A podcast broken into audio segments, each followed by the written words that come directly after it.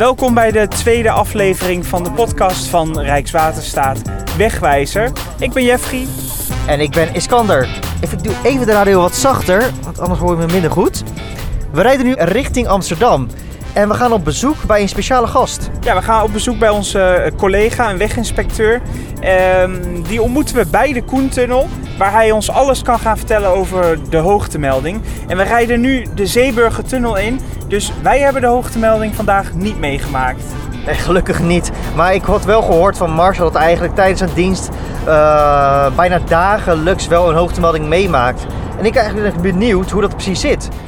Ja, nou ik ben uh, Marcel Ogenbeek, weginspecteur uh, gebied uh, Noord-Holland. En we staan nu bij de Koentunnel in Amsterdam. Een hoogtemelding wil zeggen dat een, uh, een vrachtwagen of een voertuig hoger dan 4 meter de, de laser gepasseerd is, waardoor het verkeer tot stilstand wordt gezet door het systeem. En wat doe jij als er een hoogtemelding binnenkomt? Wat, wat gebeurt er dan? Nou, de verkeerscentrale krijgt een, een signaal binnen dat er inderdaad een te hoog voertuig voor de tunnel staat. Dan worden wij gebeld wordt er aangegeven waar dat, uh, de, het voertuig zich bevindt. Dus dat is in welke tunnelbuis dat het is. Wij gaan dan gelijk ter plaatse. Het systeem is zo ingericht dat uh, meestal het voorste voertuig ook het te hoge voertuig is. Dus daar uh, positioneren wij onze voertuig ernaast. Ik haal dan de meetstok uit de auto en persoonlijk meet ik dan ter plekke het voertuig op. Mocht dit voertuig dus inderdaad te hoog zijn, krijgt de chauffeur van mij een volgteken. En neem ik hem mee naar een apart gedeelte bij de Koentunnel, waar we hem goed kunnen opmeten. Um, en dan kan de rest van het verkeer weer snel uh, zijn weg vervolgen.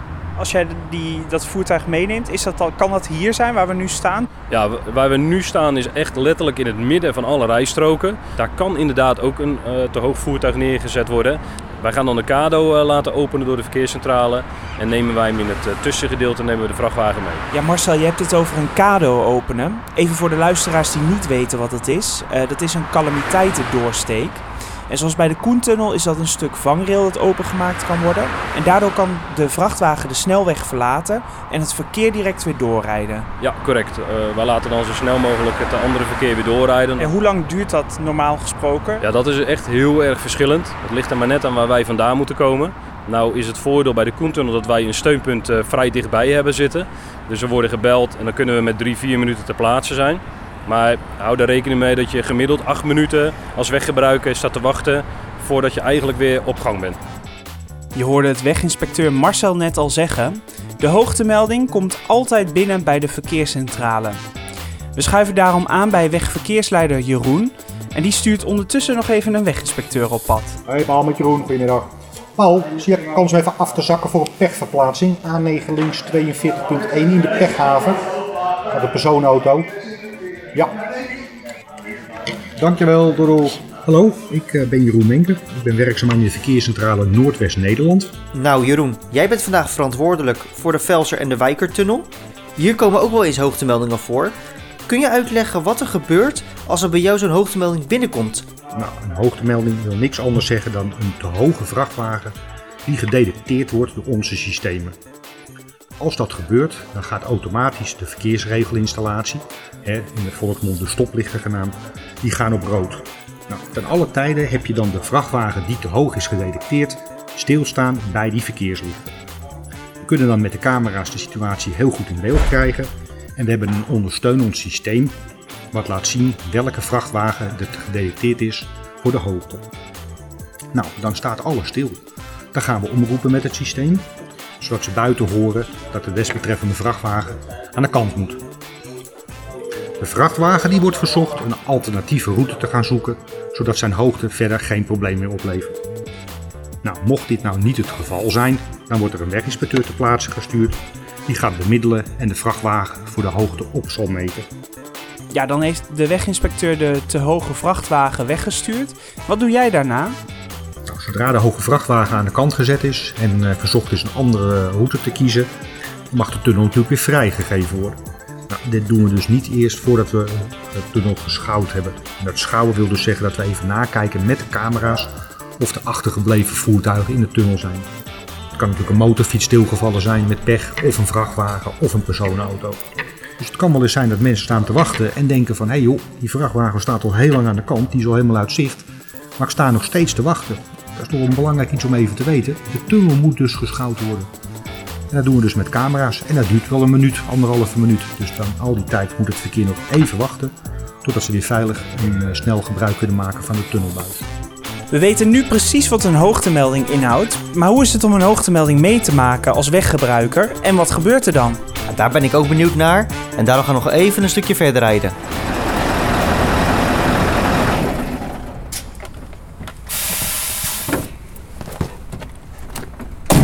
Dag, ik ben Robert, bergingsspecialist bij Hoogwoudberging, Oostzaan en Rijs en Hout. Ik heb helaas een uh, hoogtemelding uh, gehad uh, toen ik aan het slepen was. Ik moest een voertuig overnemen van mijn collega, dus ik ben er naartoe gereden. Zoals mijn collega gezegd had, hij stond sleepklaar.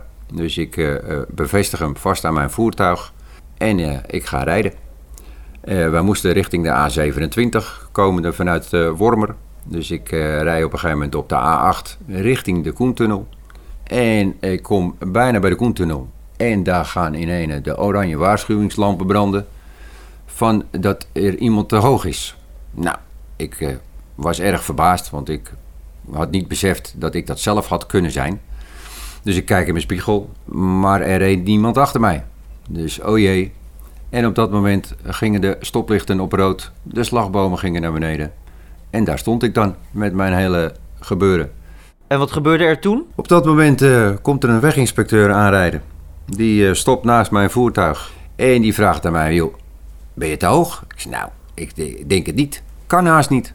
En uh, op dat moment pakt de weginspecteur zijn meetlint. En die gaat het sleep, gesleepte voertuig meten. En ik ben 4,19 meter. 19. Dat is 19 centimeter te hoog. Dus ik uh, ga kijken wat daar eventueel de oorzaak van kunnen zijn. Want ik had misschien nog het idee, want het was een zeilentrailer die erachter hing. Ik nou, misschien is het zeil wel omhoog gegaan tegen de detectie aan. Maar door de meting wisten we dat dat eigenlijk niet had kunnen zijn. En, uh, en toen kwam ik erachter dat de luchtvering van de trekker van het gesleepte voertuig omhoog stond. En wat houdt dat dan in? Uh, nou, uh, je, de hoogteregeling van een vrachtwagen is uh, via de luchtvering te doen. dat heeft te maken met de hoogtes van trailers. Dat heeft te maken met het aan- en afkoppelen. Dus, en toen bleek dat mijn collega die de voertuigsleep klaargezet had... de luchtvering van het gesleepte voertuig omhoog gedaan had... om makkelijk onder de vrachtwagen te komen. Maar die had hij niet naar beneden gedaan. Had hij ook niet tegen me verteld. Want uh, tijdens de overdracht was hij er al niet meer. Nou, voor mij een hele wijze les. Controleer ten alle tijden wat je meeneemt. We gaan nog even terug naar weginspecteur Marcel. Want hij kan nog wat vertellen over wat er gebeurt als een te hoog voertuig de tunnel inrijdt. Ik uh, besef mij altijd heel erg goed dat het voor de weggebruiker die achter dat hoge voertuig staat, het ontzettend vervelend is. Die wil gewoon naar zijn plaatsbestemming toe, staat weer te wachten omdat iemand zich niet aan de regels houdt. Uh, we proberen het zo snel mogelijk af te ronden, maar op het moment dat wij die vrachtwagens niet zouden tegenhouden en ze bijvoorbeeld het plafond raken van de tunnel, dan gaat zo'n tunnel dus een hele dag dicht. En is de schade is aanzienlijk. Op het moment als hij uh, dusdanig te hoog is, dus we hebben het niet over een paar centimeter, maar uh, zeg maar boven de, de 4 meter 10, dan, uh, dan kan deze chauffeur een, uh, een verbaal krijgen. En, uh, en die boete die ligt er niet om, dat zijn flinke bedragen. En die kun jij onder andere uitschrijven? Ja, ik ben uh, BOA. Dus ik ben inderdaad bevoegd om daar een verbaal voor uit te schrijven. Nou jongens, het was uh, gezellig. Maar we hebben niet alleen hoogtemeldingen in Amsterdam, dus het werk roept. Dus ik ga weer. Hoi! Ja, en terwijl Marcel op de achtergrond wegrijdt om weer aan het werk te gaan, vertel ik je dat dit de tweede aflevering was van de podcast Wegwijzer van Rijkswaterstaat. Heb je vragen over de snelweg? Bel dan 0800 8002 of stuur ons een tweet. Heb je nog een tip of suggestie voor ons over een nieuwe aflevering, dus een onderwerp waar je nog iets meer over wilt weten? Laat het ons gerust weten. En kijk voor meer informatie op de website rwsverkeersinfo.nl.